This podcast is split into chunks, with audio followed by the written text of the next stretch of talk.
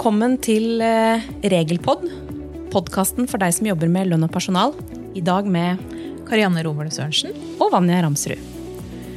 Vi nærmer oss jo årsslutt, og vi tenkte det kunne være passende å se litt nærmere på året som har gått, og hva som faktisk har skjedd på våre fagområder i løpet av det siste året. Og med det som utgangspunkt, hva har du tatt med deg i dag, Karianne? Det blir jo ganske mye, da. eh, Så vi har ikke tatt alt like grundig, men eh, i hvert fall noen høydepunkter. Ja. Det er jo helt klart at det å jobbe med lønn og personal, det er eh, et område hvor det er mye endringer, har vært de siste åra. Og det krever ganske mye av de som sitter og kjører lønn, og som er HR-ansvarlig, å holde seg oppdatert. Når det gjelder de områdene jeg jobber mest med, så har det jo bl.a. kommet disse ganske omfattende nye reglene om personalrabatter og gaver, som vi har snakka om før.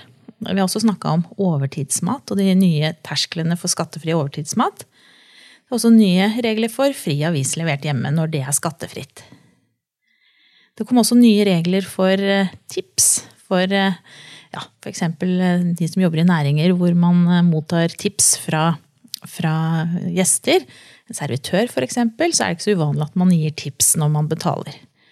Den tipsen var jo før eh, en, eh, ja, ikke noe som arbeidsgiver behøvde å blande seg borti så lenge man ikke hadde prosentlønn av personalet. Den ansatte skulle legge tipsen på skattemeldingen sin sjøl. Systemet rundt tips har nok ikke fungert så godt som man ønsket, så nå har man flyttet rapporteringen av tipsen fra den ansatte og over på arbeidsgiver. Så arbeidsgiver har nå plikt til å beregne forskuddstrekk, beregne og innbetale arbeidsgiveravgift og rapportere det på en ny lønnsbeskrivelse som heter kontantytelse tips. Eh, Denne nye måten å ordne tipsen på eh, har jo gjort at det har dukket opp en del spørsmål som eh, arbeidsgiversiden og arbeidstakersiden ikke har vært helt enige i hvordan skal praktiseres. Det gjelder bl.a. at noen arbeidsgivere har holdt tilbake kostnaden for arbeidsgiveravgift før de har utbetalt tips til den, tipsen til den ansatte. De har også tatt et lite administrasjonsgebyr for å sitte og rapportere tipsen. Dette har jo ikke arbeidstakerorganisasjonene vært enig i, og på noen arbeidsplasser har jo dette blitt et ganske stort tema. Det vi ser, er at det er flere saker nå eh, som kan i løpet av 2020 ende i tingretten. Så hvis man kjører lønn for noen som mottar tips, så er det nok lurt da, å holde seg oppdatert også gjennom 2020 for å se om det er noe nytt i forhold til hvordan disse reglene skal praktiseres. Eh, Jeg har også tatt med to temaer som vi får en del spørsmål på, på support om dagen. Eh, Det første er diett. Kostgodtgjørelse for ansatte som er på reise. De lager en reiseregning, og så får man dekket utgifter til mat etter reiseregning eh, og etter satser. Her har vi jo hatt halvannet år nå med store endringer. Både i statens særavtaler og i forhold til de trekkfrie satsene. Eh, For det første så har vi nå fått egne trekkfrie satser for når, hvilken del av dietten som ikke det er forskuddstrekk på, også på dagreiser. Eh, Satsene for eh, trekkfri diett generelt gjelder innland og utland på samme måte. Det som kanskje har voldt mest problemer i praksis, er jo de reisene som varer f.eks. ett døgn pluss noen timer inn i siste døgn. Hva skal den ansatte ha for disse timene som ikke blir et helt døgn? Her har vi fått eh, nye regler i særavtalen eh, for hvordan man beregner den ansattes krav. Og så har vi fått andre regler eh, på skattesiden for den trekkfrisatsen. Hva som skal til for at denne perioden, eller hvilken sats da, som kan utbetales trekkfritt. Dette har blitt litt komplisert, rett og slett. Eh, vanskelig å sitte og gjøre det eh, riktig manuelt. Så mange har nok skaffa seg et reiseregningsprogram i løpet av året, og det tenker jeg kan være et godt tips. Eh, I særavtalen så beregnes jo også måltidstrekkene på en annen måte enn før. Eh, så man må liksom ha tunga litt rett i munnen skal dette bli riktig. Og så er det jo sånn da, at denne særavtalen som mange bruker, også de private nå, den utløper jo først i første. Eller ved års, årsskiftet, mente jeg. Eh, og den nye avtalen for 2020 og 2021, den har vi jo ikke sett ennå. Så nå håper vi jo på at det ikke kommer store endringer der også. Hmm. Eh, et annet spørsmål, eller et annet tema, som er litt oppe på vår support om dagen, det er disse utlendingene som har fått skattekort med kildeskatt på lønn. Eh, de som har ansatte som ikke var skattemessig bosatt i Norge, eh, typisk kom nye til Norge i fjor, eller de som har fått ansatte som har kommet til Norge i år, de har som hovedregel fått dette nye skattekortet med kildeskatt på lønn. Det vil si at de betaler en flat prosent, da, 25% skatt på lønn. Og når skatten er innbetalt, eller forskuddsrekka er innbetalt, så er skatten gjort opp. De vil ikke få noe skattemelding, og de vil ikke kunne kreve noe ytterligere fradrag. De som har, eh, ikke skal ha trygdemedlemskapet sitt i Norge, de har jo fått et eh, skattekort med 16,8% istedenfor. Da er det jo 8,2% trygdeavgift som er tatt ut. Eh, I praksis så henter man jo disse skattekortene på vanlig måte og beregner forskuddstrekk og innbetaler på vanlig måte. Men det er et par ting da, som man må huske på i forhold til disse, denne gruppa. Og det gjør at man må vite hvem de er. At dere finner dem igjen i, dere på lista over de ansatte. Og at man behandler denne gruppen riktig. Det er jo for det første at dette skattekortet med kildeskatt på lønn det er et skattekort beregna på tolv trekk i året. Vanlige, ordinære skattekort er jo beregna på ti og tolv trekk i året. Det vil jo si at når feriepengene ble utbetalt i juni for en utlending med skattekort på, eh, med kildeskatt på lønn, så kan ikke de feriepengene utbetales trekkfritt. Og når vi nå kommer denne gøye tida nå, hvor det er halv skatt på novemberlønn eller desemberlønn, så kan heller ikke de med kildeskatt på lønn få halv skatt før jul. Det gjør at vi må skille de ut og vite hvem de er, sånn at vi behandler de riktig. Det vi ser på support nå, det er at eh, noen har blitt oppmerksom på dette nå, eh, og ikke visste at de skulle se etter det i juni, når feriepengene ble utbetalt. Eh, så noen har jo nå da utbetalt feriepenger trekkfritt også til denne gruppa. Hva skal de gjøre da? Nei, jeg tenker jo at da bør man kanskje lage en avtale om trekk i lønn. Sånn at hvis man har én eller to lønnskjøringer igjen i år, at man avtaler et trekk som dekker det forskuddstrekket som skulle ha vært i juni. Hvis man får det innbetalt av arbeidsgiver, så kan man føre forskuddstrekket på juni og sende en ny avmelding for juni. Den siste tingen i forhold til disse, det er jo at en Utlending med kildeskattekort kan heller ikke få dekket pendlerutgifter trekkfritt.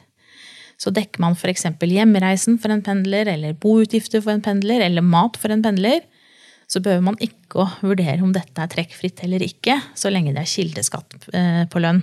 Da vil det alltid være trekkpliktig. Så Derfor så må man også gjøre en jobb der og finne ut om de har det. Eh, og eventuelt er de på reise, eller må de anses som pendlere.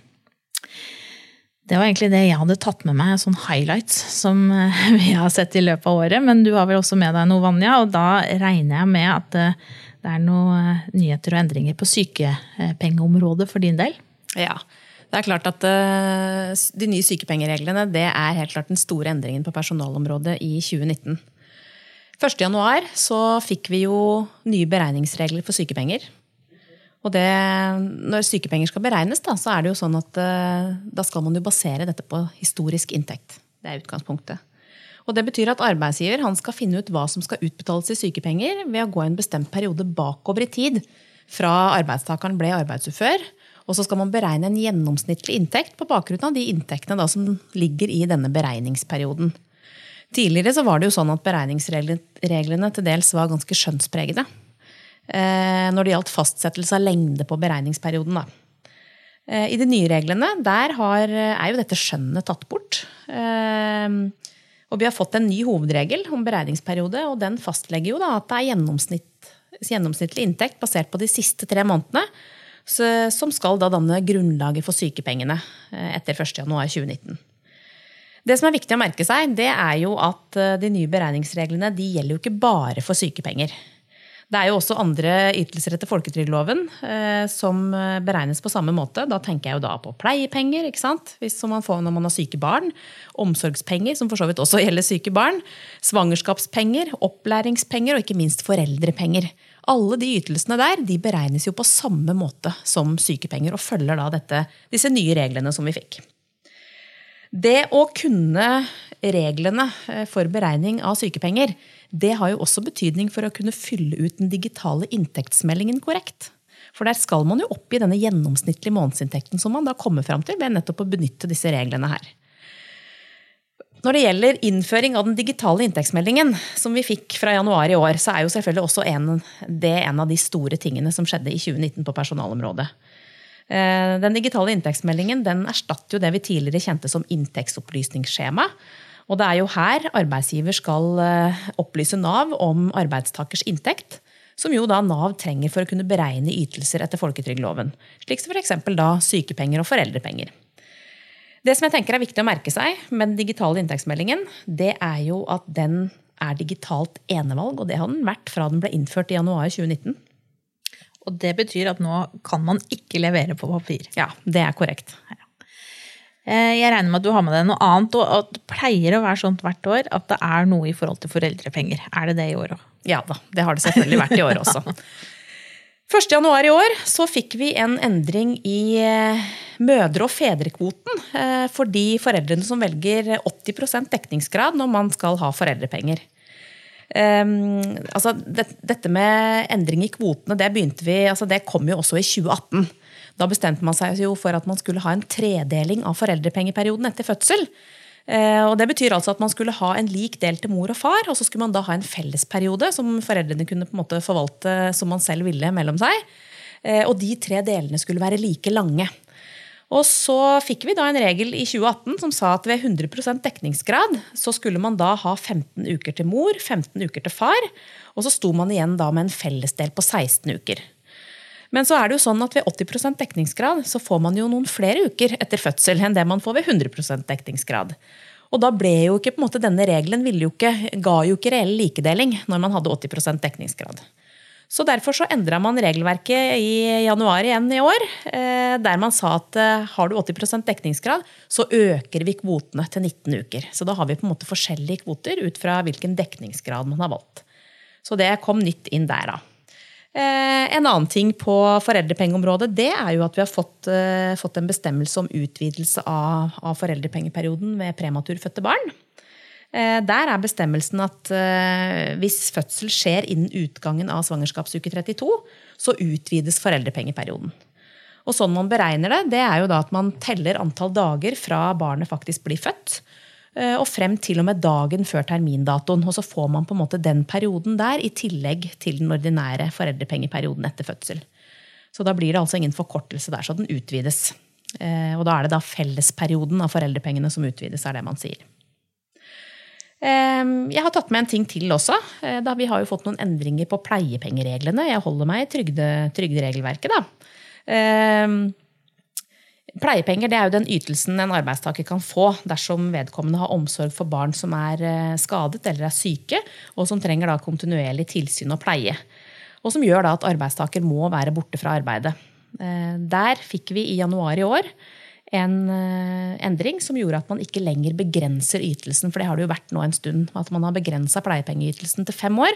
Og den begrensningen tok man da bort 1.1 i år.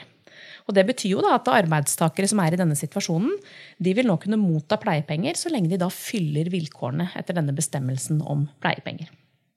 Og Praktisk for arbeidsgiver vil jo da være at eh, de må gi permisjon. ikke ja. sant? Da må de også gi permisjon. Ja. Mm. Men det har vel skjedd noen endringer, sånne småendringer i forhold til arbeidsmiljøloven nå? Ja da. Der fikk vi også endringer i januar i år. Eh, vi fikk inn et krav til tydeliggjøring av arbeidstid i arbeidsavtalen. Vet, I arbeidsmiljøloven så har vi jo en regel som eh, stiller noen minimumskrav til innholdet i arbeidsavtalen. og Det er den der vi fikk noen endringer. da. Der følger det bl.a. at en arbeidsavtale skal si noe om eh, lengde og plassering av den daglige og den ukentlige arbeidstid.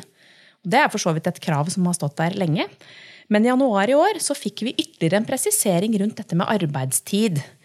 Ehm, for nå er det tatt inn et krav om at dersom arbeidet skal utføres periodevis, så skal arbeidsavtalen fastsette eller gi grunnlag for å beregne når arbeidet skal utføres. Så det kom da nytt i januar.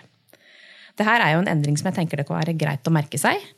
For det kan jo hende at man eh, i virksomheter rundt omkring sitter med maler kanskje på arbeidsavtaler, ikke uvanlig det, og som nå kanskje trenger en oppdatering da, i henhold til denne regelendringen som har kommet her. Mm. Det var det jeg hadde tatt med meg. Ja. Ja. Det var jo ikke så rent lite det til Nei, sammen. det var jo så litt. blir det jo mye. Ja. Mye for den som skal sitte og praktisere alt det her. Eh, ja, Det understreker jo bare igjen at det er mye som skjer eh, for dere som jobber med lønn. Eh, og det er jo veldig gøy, men det er også krevende. Så finn en eller annen kanal da, å holde dere oppdatert på.